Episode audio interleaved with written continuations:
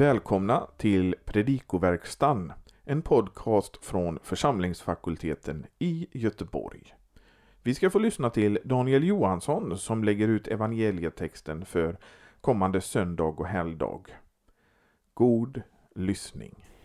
Evangeliet för tredje årgången på Johannes döparens dag är Sakarias lovsång som vi finner i Lukas 1, 67-80.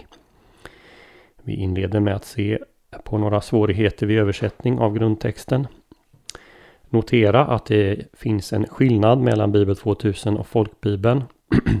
Bibel 2000 översätter genomgående verb som står i aorist med presens medan Folkbibeln bibehåller preterium. Till exempel i vers 68 som besöker sitt folk och ger det frihet respektive som har besökt sitt folk och återlöst det. Bibel 2000 tar troligen auristerna som en profetisk aurist eh, som använder dåtid för att uttrycka vad som ska hända eller håller på att hända. Uttrycket epoiesen lytrosin i vers 68 innebär att man befriar någon genom att betala lösen. Vers 70 Konstruktionen apaionos betyder sedan länge eller fordom. Vers 72. Infinitiverna apoiesai respektive eh, mnem stänai uttrycker syfte för att göra barmhärtighet till att minnas. Verbet mim, eh, mimnäskomai tar sitt objekt i genitiv och därför så står diathekes i genitiv. I vers 73 noterar vi att horkon, ed, står i apposition till förbund. Här står horkon genom attraktion till det följande relativpronomenet i ackusativ. Det borde varit genitiv. Men det ansluter alltså till det följande relativpronomenets böjning. I vers 73 stöter vi på infinitiven to donai hemin den uttrycker syfte. För att ge oss åt, eh, ge åt oss att och så vidare.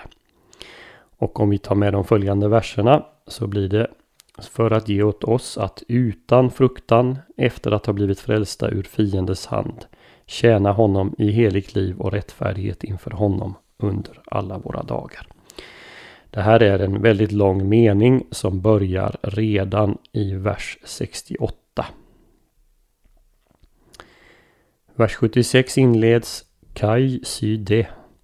Att börja en ny mening med både Kai och det är ovanligt. Det markerar här en ny utveckling. Det är Johannes döparen som adresseras nu. Medan Kai indikerar att profetian om döparen är en del i Guds plan att resa upp ett frälsningens horn. Johannes gående före Herren uttrycks med två infinitiv.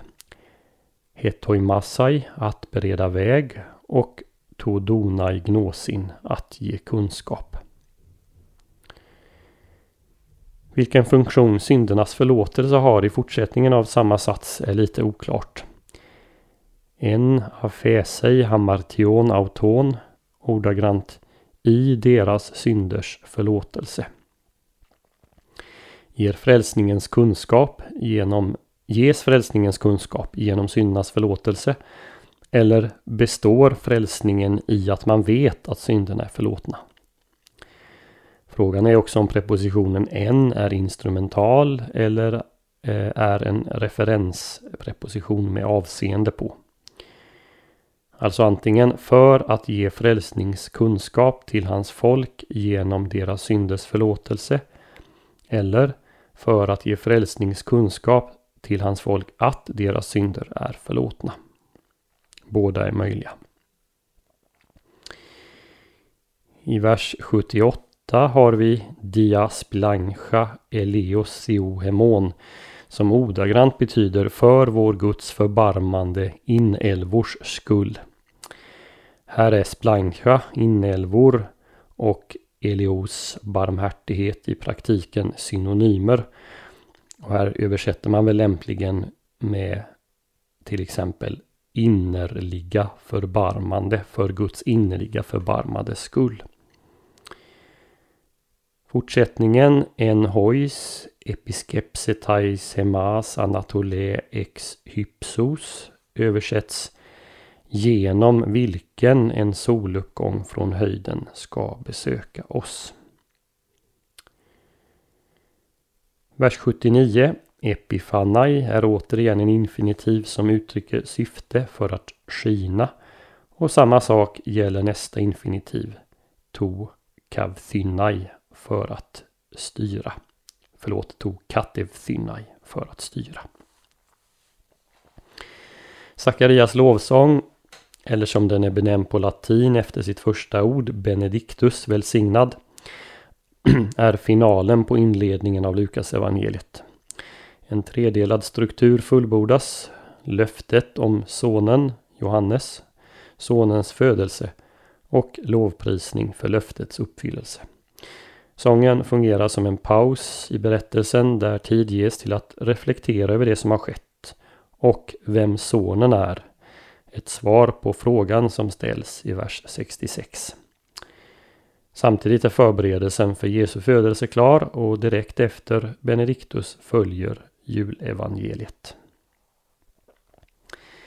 Texten kan delas in i två delar med inledning och avslutning. I vers 67 så får vi inledning och bakgrund. I vers 68 till 75 en lovprisning till Israels Gud. Och vers 76 till 79 är en profetia om Johannes och Jesus. Och till sist avslutningen i vers 80 som beskriver Johannes uppväxt. De här två huvuddelarna kan i sin tur delas in i flera underavdelningar. För de här så se pdfen till den här podden på vår hemsida. Hymnen upprepar och sammanfattar det viktigaste i kapitel 1. Johannes är en förelöpare som förbereder Guds folk på Herrens ankomst. Han är en profet, den högstes profet, som är underordnad Jesus. Och samtidigt passas både Johannes och Jesus in i Guds stora frälsningsplan. Guds förbund med Abraham och David går nu i uppfyllelse. Hymnen ser bakåt, långt bakåt i tiden och samtidigt framåt på den närmaste framtiden. Lukas understryker inledningsvis två saker om Sakarias. Sakarias är uppfylld av den heliga Ande.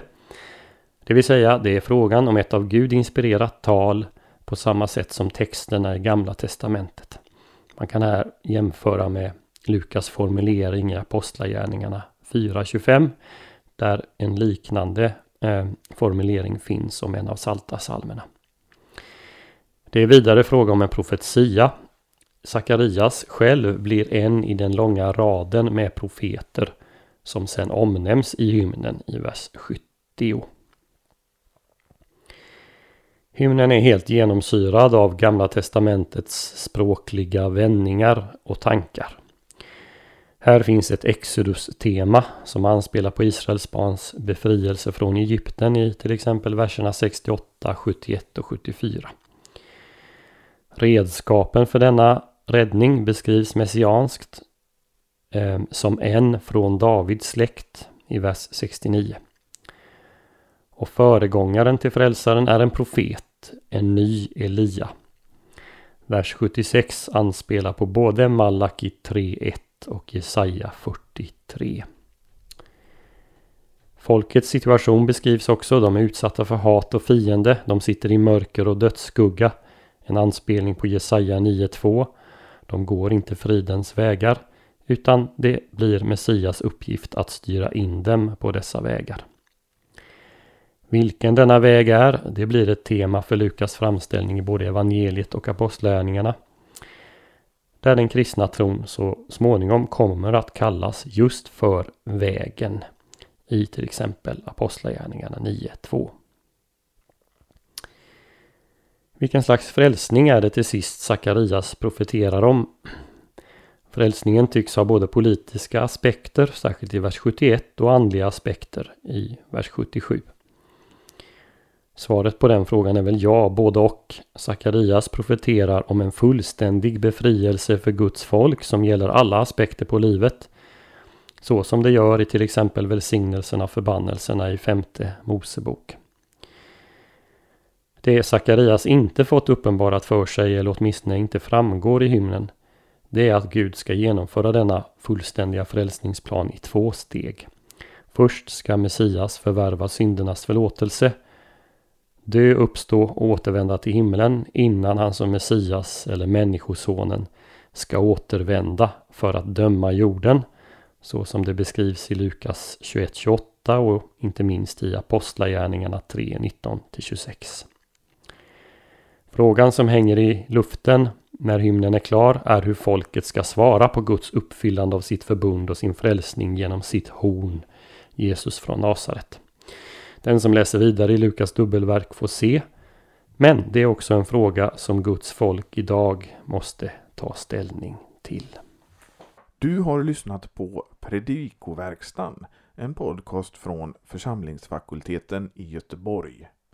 Är det så att du vill ge ett bidrag till församlingsfakultetens arbete Gör det gärna på Swish. Numret är 123 100 8457 och så märker man det med FFG Gåva. Numret och andra sätt att ge en gåva till församlingsfakulteten finns på vår hemsida ffg.se.